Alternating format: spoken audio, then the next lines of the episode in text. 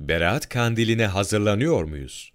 İbn Mace'nin rivayet ettiği Emirül Mü'minin Ali radıyallahu an onun da Resulullah sallallahu aleyhi ve sellem'den bildirdikleri hadisi şerifte Şaban ayının 15.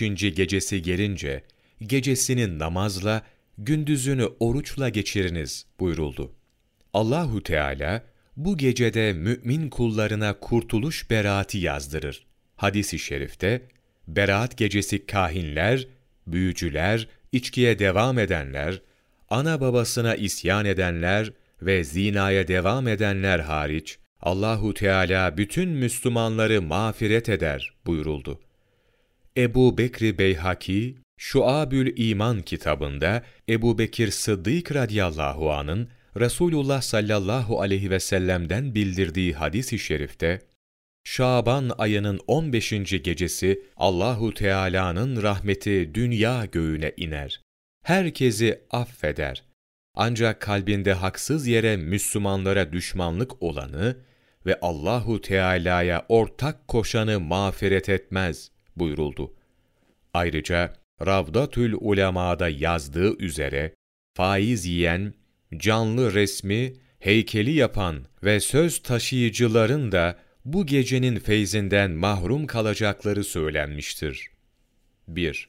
Kıymetli yerleri ve kabirleri bilhassa şehitlerin, velilerin kabirlerini ziyarette, Resulullah sallallahu aleyhi ve selleme uymalıdır. Nitekim Resulullah sallallahu aleyhi ve sellem bu gece Baki kabristanına gitmiştir. 2. Ailesine, akrabalarına, diğer Müslümanlara, mümin erkek ve kadınlar ve şehitlere dua etmek hususunda da ona uymalıdır. Nitekim Resulullah sallallahu aleyhi ve sellem öyle yapmıştır. 3. Ev halkına yumuşak, tatlılık göstererek Resulullah sallallahu aleyhi ve selleme uymalıdır. Yani ailesi varsa, bir yere gitmek istiyorsa, tatlılıkla onlardan ayrılmalı ve onları uzun zaman yalnız bırakmamalıdır. 4. Uzun namaz ve secde yaparak Resulullah sallallahu aleyhi ve selleme uymalıdır. 5. Bu namazda ağlama, yalvarma, yakarma diğer namazlardakilerden daha çok olmalıdır.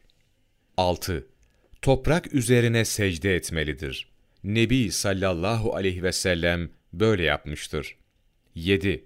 Birinci secdede üç şeyde Efendimiz sallallahu aleyhi ve selleme uyup yakarmalı, kusurunu itiraf etmeli ve büyük günahlardan istiğfar etmelidir. Muhammed Rebhami, Riyadun Nasihin, sayfa 277, 5 Nisan Mevlana takvimi